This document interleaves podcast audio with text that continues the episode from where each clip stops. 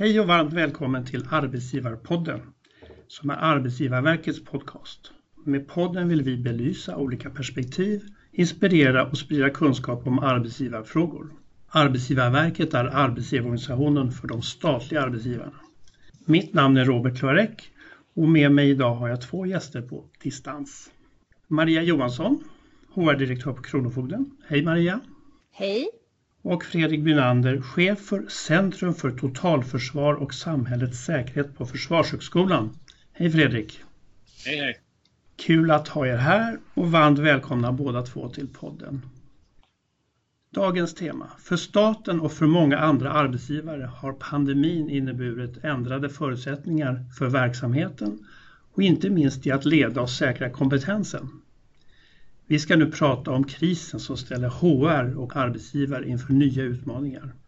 Vad den inneburit för deras verksamheter, vilka lärdomar de dragit men också vilka möjligheter och andra sätt att lösa kompetensutmaningar som öppnas upp i och med den här krisen.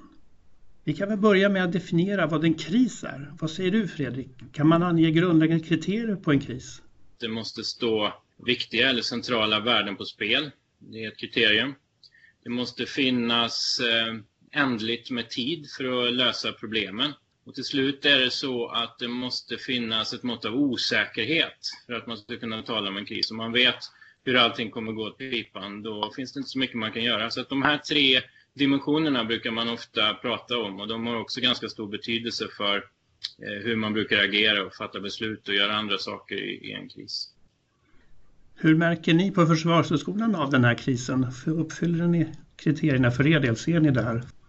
Om vi ser oss som organisation så är vi nog som de flesta högskolor och andra utbildningsinrättningar. Men när vi tittar ut på samhället så måste jag säga att det här är något av en megakris till och med. Därför att det skär över så många av samhällets sektorer. Eh, det skapar problem som förstärker varandra och det pågår under en väldigt lång tid. Maria, hur vill du beskriva kriser i allmänhet för er del?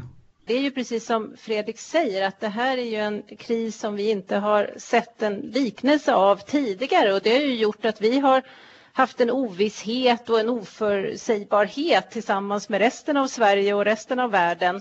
Naturligtvis när vi på Kronofogden har försökt att hantera den här krisen både på kort sikt och, och på den längre sikt som vi kunde.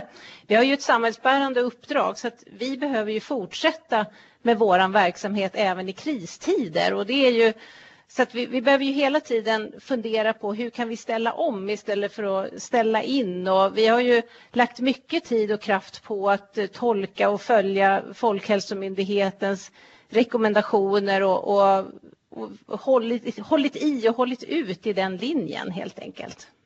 Och vad har den största utmaningen för er varit vad gäller kompetensförsörjningen nu i det här? Vi har ju behövt alla kompetenser som vi kunde få men vi har ju också behövt låna in kompetenser och det har vi gjort bland annat från Migrationsverket och sen så har vi också behövt låna ut kompetenser för att eh, klara hela statens uppdrag och det har vi gjort till Tillväxtverket. Vi fick ju ökade eh, inflöden på vissa delar och då kunde vi ju förlänga sommarjobbare och, och visstidsanställda. För att det var ju en stor utmaning för oss också att kunna ta de här korta topparna som kan komma som en följd av en sån här kris. Men eh, naturligtvis så är ju också en utmaning som vi har haft sedan tidigare och det är ju inte så att den försvinner nu Eh, för att det blir corona, det är ju eh, den utmaningen att få rätt IT-kompetens på plats. Det är ju kritisk kompetens för många i samhället och inte minst i staten. Fredrik, du ansvarar för ett forskningsområde på Försvarshögskolan. Om du vill berätta gärna lite om det och hur, hur ser ni på kompetensförsörjning inom ramen för det här forskningsområdet? Hur har det fungerat för er del i den här kristiden? Krishanteringsforskning är i grunden något väldigt tvärvetenskapligt. Det finns kanske en kärna av samhällsvetenskaper med mitt eget område statsvetenskap i, i mitten men allt eftersom vi har försökt attackera olika problem som uppstår när samhället drabbas av kriser så har vi behövt vidga liksom, den kompetens och den forskning som vi använder oss av. Så att det här har växt det är ett omfattande forskningsområde skulle jag vilja säga, vilket också gör det svårare. Dels att kompetensförsörja forskningsmässigt men också när vi på uppdrag då av olika myndigheter och andra aktörer får ett uppdrag att utbilda i rätt saker så blir det här en större och större företag om man så säger. Eh, och det är någonting som jag tror att även statsmakterna kommer behöva engagera sig lite i. Hur ser kompetensförsörjningen för att kunna hantera kriser, både inom offentlig sektor, särskilt kanske de, de centrala myndigheterna, men också på övriga ställen i, i, samhället. Hur ser det ut egentligen och var ligger ribban för vad man bör kunna eh, hos olika aktörer? Det här är ju ett arbete som har pågått länge och som har fått ytterligare en skjuts i och med det att vi håller på med totalförsvarsplanering i Sverige. Och så kom coronan som lök på laxen. Så att jag tror det är dags nu att ta ett strategiskt grepp på den här frågan. Ja, Maria och Kronofogden är ju en sån central länk. Hur har ni sett det för att kunna hitta bättre lösningar på arbetsmetoder och eventuellt ny kultur? Hur har ni hanterat den här krisen? Hur, har det här blivit någon sorts katalysator för er verksamhetsutveckling? Vi har ju jobbat med allt ifrån nya lösningar i, i, eh, kopplat till våra ordinarie arbetssätt. Och vi har jobbat med kontinuitetsplanering med scenarios och vi har tvingat fram nödvändiga prioriteringar. Och vi har naturligtvis precis som alla andra i samhället också mötts på ett annat sätt och, och vår syn på, på kontoret och så har ju, har ju förändrats och, och, tempot har ju också varierat. Det har ju varit allt ifrån att det har varit en, en högintensiv kris till att det har gått ner i en lite lägre nivå. Men om, om man ser vad, vad vi har gjort för någonting så har vi ju till exempel tänkt nytt kring att vi har haft en digital bemanningsprocess och en digital introduktionsprocess för att det har ju varit, det har varit den nya normen. Det har ju varit vårt sätt att eh, liksom klara den här eh, perioden på. Så att eh, det ställde vi om till. Och det kan vi också se att det, det har ju det har gått bra. Finns det erfarenheter av det här som ni bär med er framåt? Är det någonting som ni kanske hade gjort även om pandemin inte slog till? Eller finns det exempel på saker som blir nytt som, ni, som lever vidare? Vi har ju testat digitala lösningar förut också men nu har det ju varit alla alltid på något sätt i och med att vi har fått eh, tvingat fram ett tempo och, och, en mer omfattning på frågan än vad vi kanske hade tänkt oss då initialt. Men det kan man väl säga att utmaningar, det är klart att det har varit utmaningar för att det har ju varit delvis nya arbetssätt och ny teknik och så, men det är också väldigt positivt. Vi har ju nått kandidater på ett enklare sätt nu än tidigare och vi har ju kunnat eh, ha effektiva processer så att vi ser ju att till exempel inom våra rekryteringar så påverkas ju ledtiderna på ett positivt sätt kring det här. Och det är ju samma med introduktion, att vi har ju ställt om våra utbildningar till exempel. Och det är ju inte så att vi inte har haft någon webbaserad utbildning förut, men vi har ju ställt om än mer nu och, och det vi skruvade på i våras, det skruvar vi ju på ett varv till nu också. Fredrik, har du någon kommentar till det här hur, hur en kris kan bli en katalysator för att tänka nytt i arbetsformer, kultur och kompetensförsörjning som, som kan leva vidare? Jag tycker vi kan se många exempel i forskningen på att kriser är innovationens moder på många sätt. Vi har tvingats att frångå regler som har suttit där i, i många herrans år därför att alla är helt plötsligt överens om att de fungerar inte längre. Och det här gör ju att vi får pröva saker som vi vanligtvis inte får. Då kommer vi pröva en massa dåliga grejer som visar sig ha ganska taskiga resultat.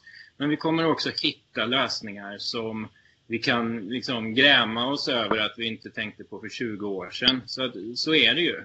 Och mycket av det här kommer vi ha nytta av, även om vi inte tillämpar exakt de metoder vi nu har gjort eftersom det var en exceptionell situation, så lär vi oss mer om vår verksamhet, om den sektor, det politikområde vi är verksamma på, därför att vi har sett det under svår stress. Och det kommer ge oss en massa insikter om vi bara tar tillvara på dem och tillämpar dem i framtiden. Så jag man kan se det som ett enda stort experiment också. Det är en väldigt tragisk situation som sätter samhället under svår press.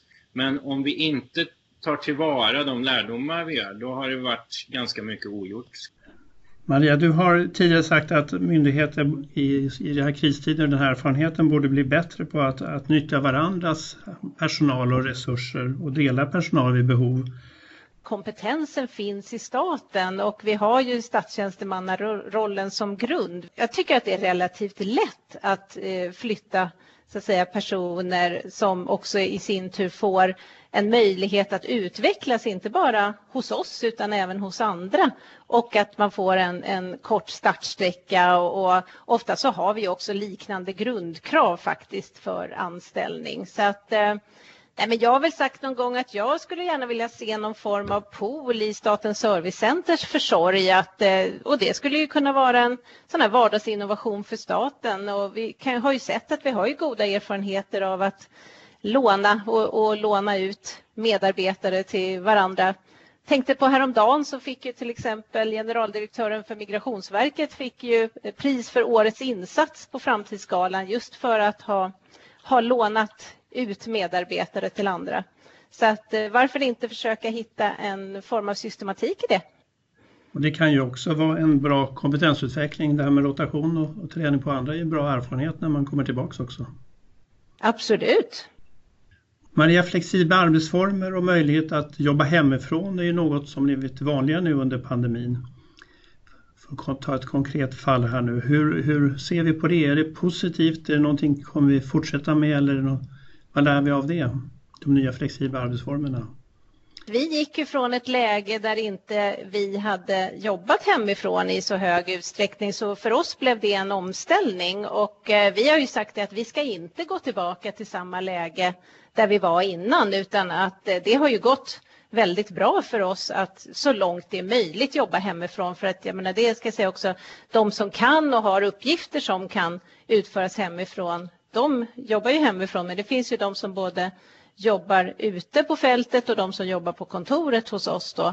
Men eh, jag menar, generellt så, där så tror vi ju på, på mixen att hitta flexibla arbetsformer och, och, nu har vi ju haft ett sådant läge så att de flesta som har kunnat då, har, har jobbat i princip 100 procent hemifrån och då, då tippar det över liksom åt andra hållet. Så att det finns ju verkligen både både positiva delar i, i eh, hemarbetet om vi ska ta just den delen då av flexibla arbetsformer och det finns det finns minustecken i det, men jag menar, det är ju det är bra på många sätt. Det finns som sagt en flexibilitet, det är kanske lättare att hitta den där balansen i livet. Du kan välja plats beroende på uppgift och, och vi har ju kunnat sett också att vi har ju kunnat hållit rimliga siffror kring till exempel vab och sjuk och jag vet att många medarbetare har uppskattat det här att kunna slippa restid också. Så att eh, vi hoppas ju på sikt att vi ska kunna attrahera fler och kanske på andra, andra sätt och på andra ställen. Men sen tycker jag att vi ska ju inte heller blunda för det som är utmaningarna för oss och det är ju just den här sociala gemenskapen till exempel och att det lätt blir ett gränslöst arbetsliv och att det blir stillasittande. Så att eh, det kräver ju mycket eget ansvar av oss medarbetare också att, att eh, lägga upp vår dag och det kanske vi inte har, har varit vana vid på det här sättet tidigare. Men sen är det väl det här att, att eh, det kan det kan kännas lite tråkigt eh, att, att sitta hemma och jobba så det behöver man ju också hantera för sig själv. Och vi kan ju se också att eh, om vi ska bli allvarliga så är det ju psykisk ohälsa och, och, riskbruk som är svårare att se för oss chefer. Och vi har ju också den fysiska arbetsmiljön och ergonomin som är en, en utmaning när vi sitter där vid, vid våra köksbord till exempel. Ledarskapet är ju också en utmaning och, och är ju är ju någonting som vi behöver tänka på hela tiden. Att vi pratar om det här med att vi ska ställa om och, och där har vi ju behövt att hitta nya metoder också som chefer för att leda. Vad säger du Fredrik, vad är det som händer med oss i en krissituation? Hur påverkas relationer, handlingsmönster? En akut krissituation där det rör sig om sekunder, och minuter och timmar. Då är det ganska tydligt att eh, vår lillhjärna är dominant. Vi tenderar att minska de sociala sammanhangen. Så om vi har en beslutsgrupp så gör vi den mindre därför att vi inte vill ha de som är motvalls och de vars lojalitet vi betvivlar och tio andra, hundra andra anledningar till att utesluta folk. Man söker sig till mindre grupper och folk man verkligen är bekväm med att lita på. Och det där kan vara ett stort problem därför att då är det kompetens som inte finns i rummet som borde vara där helt plötsligt. Så det, det här är typiskt och det ser vi hända liksom i alla möjliga länder, i alla möjliga olika situationer. Eh, det finns mycket som tyder på att i kriser blir vi mer riskbenägna. Eh, och det finns psykologer som kan förklara det för oss därför att vi upplever att vi har kanske redan förlorat någonting. Om vi är en myndighet så kanske vi är delaktiga i att det har blivit som det har blivit i en kris. Vi kanske upplever att nu är vi utsatta för kritik. Det här kommer kosta oss dyrt. Och då blir den mänskliga beslutsfattaren ganska benägen att ta risker för att återkomma till status quo, för att återvinna sitt förtroende hos allmänheten eller hos eh, den politiska ledningen eller vad det nu kan vara. Och det här är också ett genomgående drag som vi ofta ser. Och det här måste man bevaka så att man inte hamnar i de här fällorna. Vi, vi tenderar också, vi pratar ofta om beslutsgrupper och jag har redan varit inne på att de tenderar att bli mindre. De tenderar också att bli mer isolerade i kriser och känna sig mer utsatta. Nu är allas ögon på oss. När vi kommer ut genom den där dörren är det bäst att vi har ett besked, att vi kan visa på en handlingskraftig agenda. Och det där kan också ställa till det, för ibland är det så att man har inte tillräckligt med information, man förstår inte problemet tillräckligt väl och en klok krishanterare kanske måste gå ut i rummet och säga att just nu ska vi inte göra någonting därför att vi riskerar att göra mer skada än nytta. Så det finns en massa av våra grundläggande instinkter som inte är oss till så mycket hjälp i kriser. Utan vi måste lugna ner oss för att bli den problemlösande eh, individen igen. Vad säger du Maria om krissituation, hur vi hanterar det, hur vi påverkas?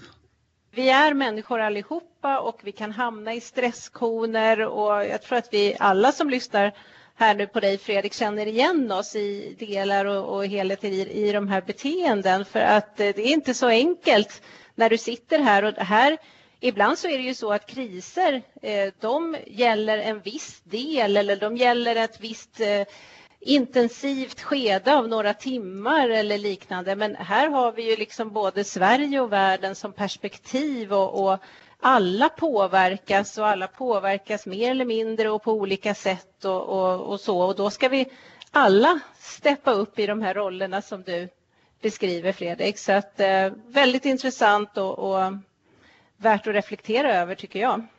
Jag håller med, mycket intressant faktiskt.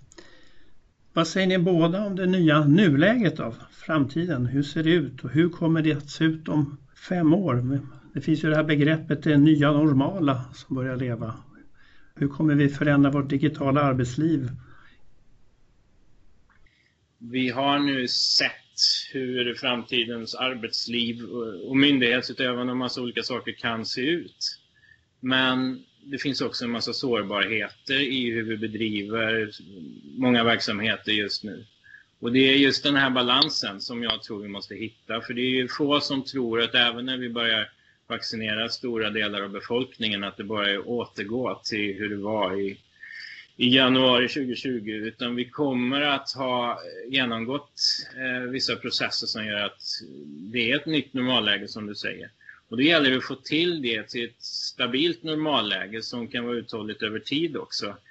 Eh, och, och, det tror jag kommer kräva inte bara en coronakommission som vi nu har som säkert kommer peka på mycket saker som har gjorts både bra och mindre bra. Men också att vi faktiskt ser på att nu har mentaliteten kring vissa verksamheter ändrats.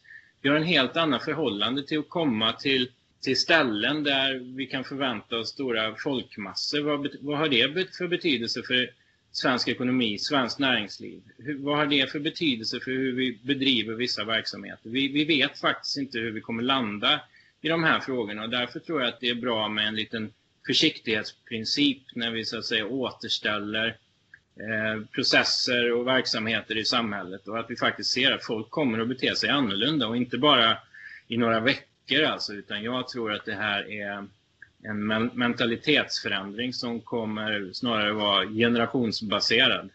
Det finns lite studier som säger när man jobbar mer hemma då sitter man ju mer ensam, då är man ju inte med arbetskamrater, då styr man själv sitt liv och kanske bestämmer själv vad man gör och kanske blir lite mindre lojal mot uppdraget.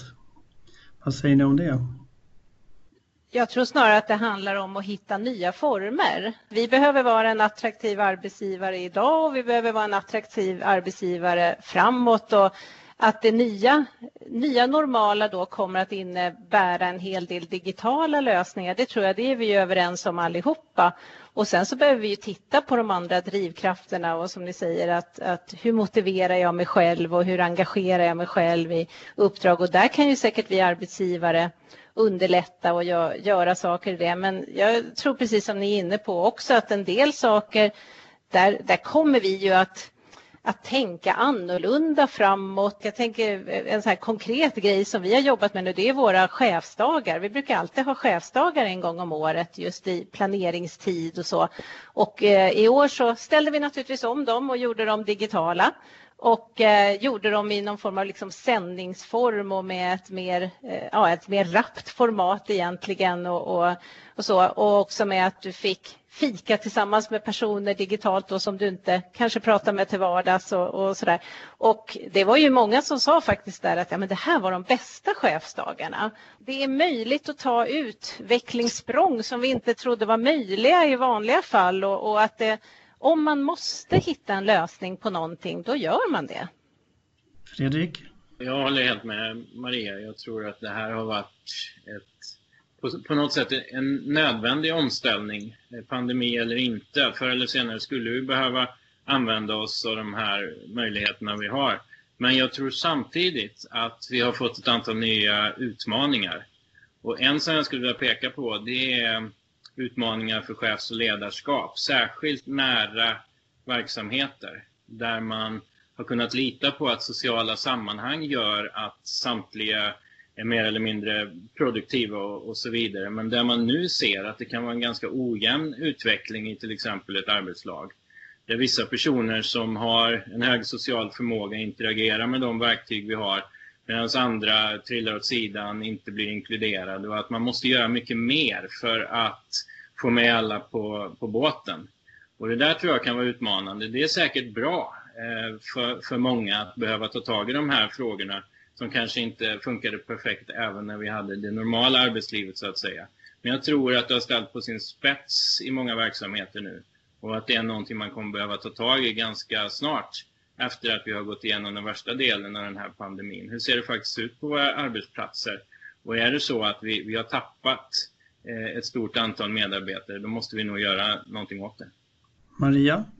Ja, men en reflektion som jag har, har gjort det är ju att allt förstärks på något sätt i en kris. Alltså det som fungerade bra tidigare, det fungerar ofta bra nu också. Och det som fungerade lite risigt tidigare, det förstärks också så att det, det knastrar och far liksom i, i det här. Och, och, men sen så har ju vi sett goda exempel också kan vi säga på medarbetare som kanske inte har trivts så jättebra i den traditionella kontorsmiljön och så som, som trivs och blommar ut nu i, i att jobba mer flexibelt. Så att, eh, ja, det finns onekligen både en uppsida och en nedsida av en, en kris. Vi pratar ju väldigt ofta om nedsidan nu av naturliga skäl och det är klart att vi gör det. Det är en fruktansvärd kris på det sättet men vi kan ju också se en, en uppsida i det att nyttja krisen till utveckling bland annat.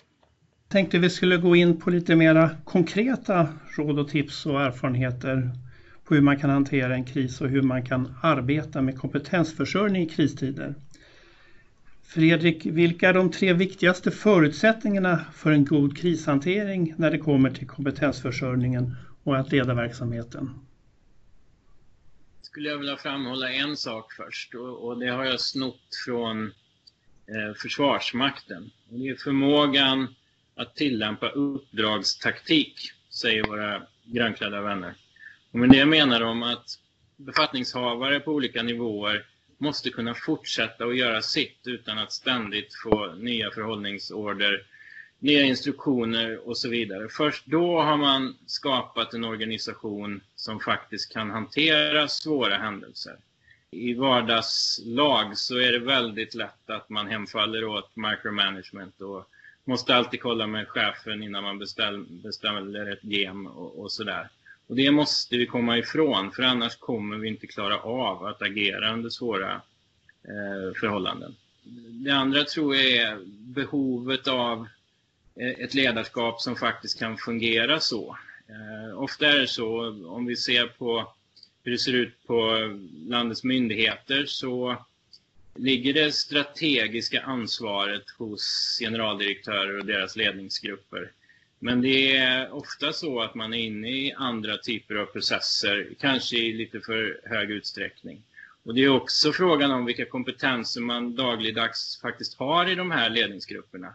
En sak som vi har sett i spåren av lite olika skandaler med information som har läckt åt höger och vänster, är att vi kanske inte alltid har rätt kompetens och särskilt inte om vi tänker på säkerheten i verksamheten. Man kanske ska ha säkerhetsskyddschef som också direkt rapporterar till generaldirektören och som inte rapporterar i sju led därför att vissa av de här problemen är inte tydliga så många gånger om året men när de väl är det så är de direkt strategiska för en verksamhet och det är någonting som vi också borde ta till oss när vi pratar om, om krishantering.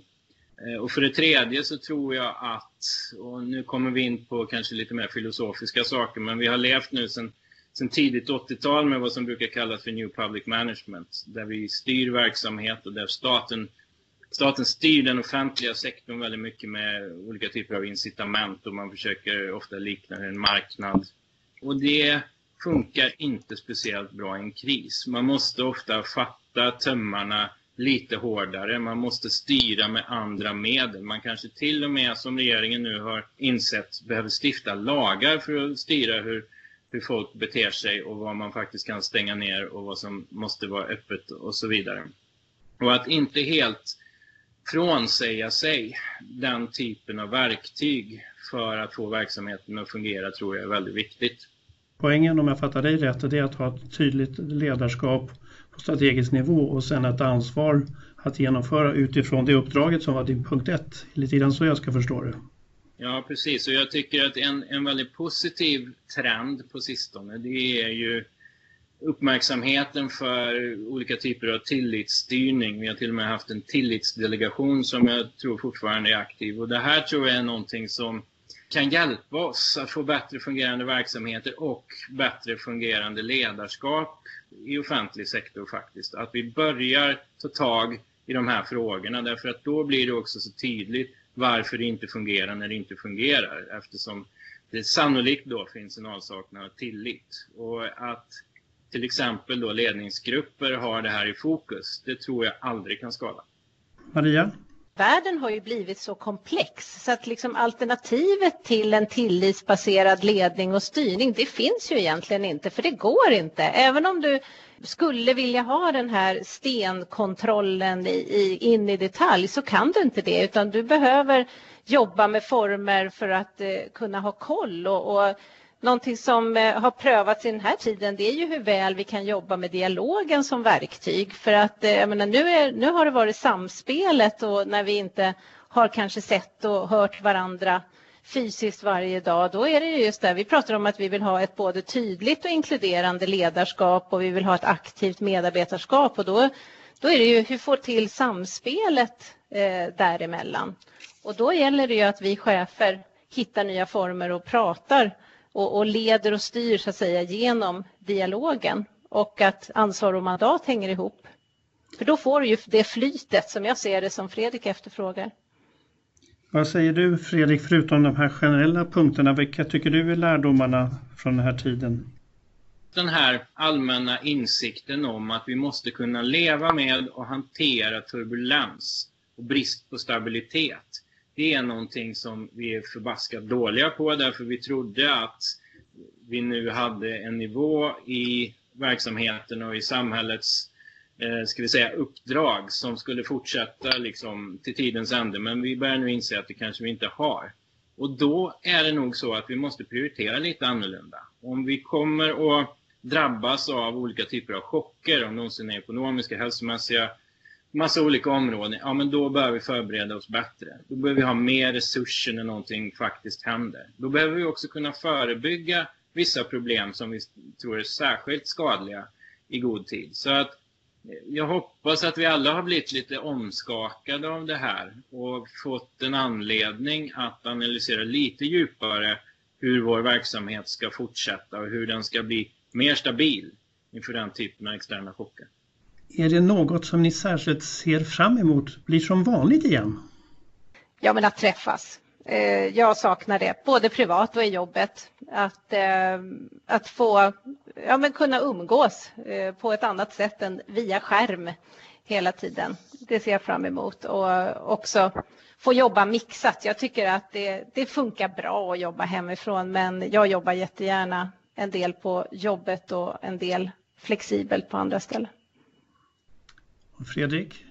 Jag ser fram emot att få lite för, förutsägbarhet igen. Alltså just det här att alltid behöva planera för alternativ A, B och C och kanske D tycker jag är väldigt ansträngande och lite deprimerande i längden för man vet att man alltid hamnar åtminstone i C. Det är i alla fall det näst jäkligaste. Och det vore så skönt att få uppleva under en längre tid att man faktiskt kan planera saker som går att genomföra ungefär så som man har tänkt sig och på det sätt man tycker är bäst. Det kommer vara härligt. Det börjar bli dags att avrunda. Vi har idag pratat om hur vi kan tänka nytt kring kompetensförsörjning och annan krishantering och hur vi säkerställer att vi har rätt kompetens under en kris. Stort tack till dig Fredrik och till dig Maria för att ni ville vara med här idag och dela med er av er kunskap, era tankar och era erfarenheter och framtidsidéer. Men innan jag släpper iväg er skulle jag vilja ställa en sista fråga till er båda, nämligen en sak du vill att vi tar med oss. Det kan vara något ni redan har sagt och vill förstärka ytterligare eller något helt nytt. Maria, vi börjar med dig. Vad vill du att vi tar med oss? Våga prova nya verktyg inom kompetensförsörjningen. Fredrik, vad säger du? En sak du vill att vi tar med oss? Tappa inte bort den viktiga lärdoms och tillämpningsprocessen som kommer komma efter när vi börjar känna att saker och ting återgår till det normala, det är då det stora jobbet måste göras. Och kanske inte med, med samma känsla av omedelbarhet som vi har nu. Därför att allt det som vi har gjort och det som vi har lärt oss, det behöver tas om hand.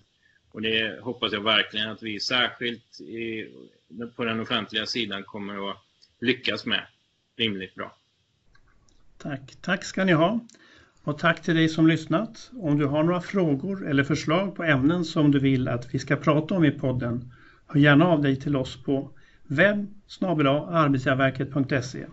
Mitt namn är Robert Kvarek. Vi hörs snart igen. Hej då! Hej då! Hej då!